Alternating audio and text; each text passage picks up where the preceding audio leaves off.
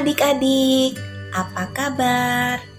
Tante Injil harap adik-adik selalu sehat sejahtera dan siap mendengarkan firman Tuhan.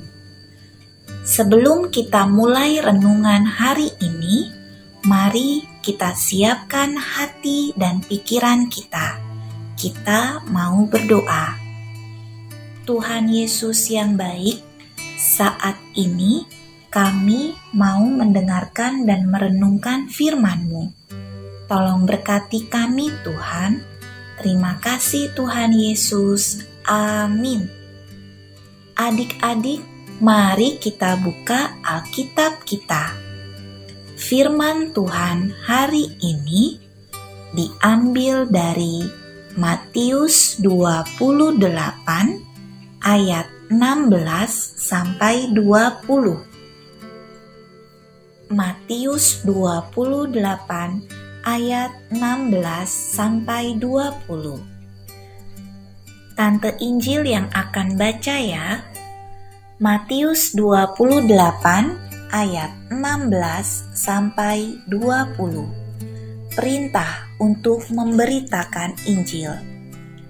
Dan kesebelas murid itu berangkat ke Galilea ke bukit yang telah ditunjukkan Yesus kepada mereka. Ketika melihat Dia, mereka menyembahnya, tetapi beberapa orang ragu-ragu. Yesus mendekati mereka dan berkata, "Kepadaku telah diberikan segala kuasa di sorga dan di bumi.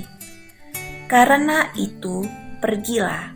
Jadikanlah semua bangsa muridku dan baptislah mereka dalam nama Bapa dan Anak dan Roh Kudus. Dan ajarlah mereka melakukan segala sesuatu yang telah kuperintahkan kepadamu. Dan ketahuilah aku menyertai kamu senantiasa sampai kepada akhir zaman. Demikian pembacaan firman Tuhan. Adik-adik pernah dengar nama Kiai Ibrahim Tunggul Wulung? Kalau belum, yuk kita cari tahu. Ketika para murid Tuhan Yesus menjalankan amanat agung dari Tuhan Yesus untuk pergi memberitakan Injil dan menjadikan semua bangsa muridnya, maka pekerjaan para murid pun sampai ke tanah Jawa. Adalah Kiai Ibrahim Tunggul Wulung, seorang penginjil yang turut menjadi murid Kristus dan menyebarkan berita Injil di daerah Jawa, khususnya di sekitar desa-desa daerah Malang. Semula, Kiai Ibrahim Tunggul Wulung adalah seorang petapa di Gunung Kelut. Petapa adalah orang yang menjauhkan diri dari kehidupan duniawi dan mencoba mendekatkan diri kepada Tuhan.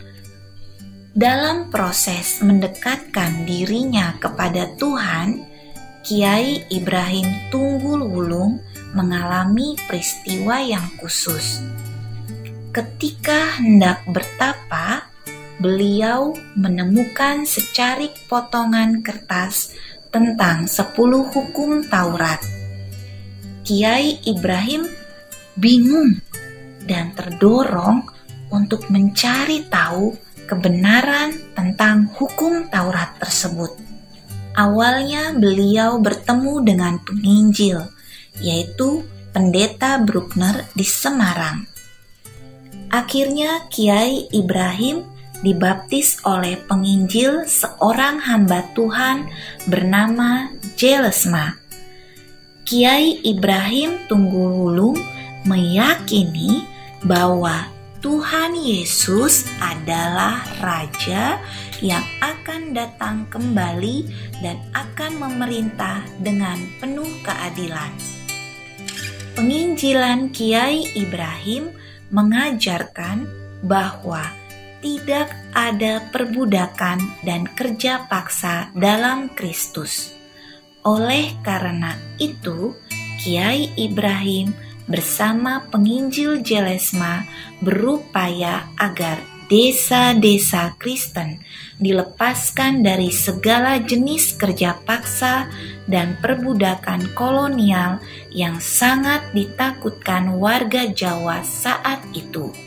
Kiai Ibrahim meyakini bahwa tiap anak-anak Tuhan sudah dimerdekakan dalam Kristus. Siapa di antara adik-adik yang mau memberitakan Injil seperti Kiai Ibrahim? Pasti dong ya, adik-adik mau memberitakan Injil. Kalau zaman sekarang, adik-adik bisa mengabarkan Injil melalui sikap dan kata-kata dalam kehidupan sehari-hari.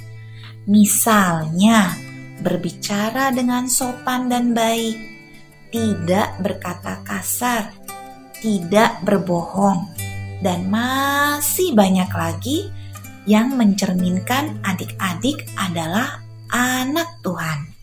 Mari adik-adik kita katakan dengan sungguh-sungguh, "Aku juga mau memberitakan Injil dalam kata dan tindakan." Sekali lagi, ya, kita katakan dengan sungguh-sungguh, "Aku juga mau memberitakan Injil dalam kata dan tindakan." Mari kita tutup renungan hari ini dengan berdoa. Bapa di surga, pimpin kami agar dapat menjalankan amanat agung dari Tuhan Yesus, memberitakan Injil dalam sikap hidup dan kata yang baik. Biarlah firman yang kami beritakan menjadi terang bagi orang lain. Terima kasih Tuhan, dalam nama Tuhan Yesus kami berdoa. Amin. Sampai jumpa adik-adik.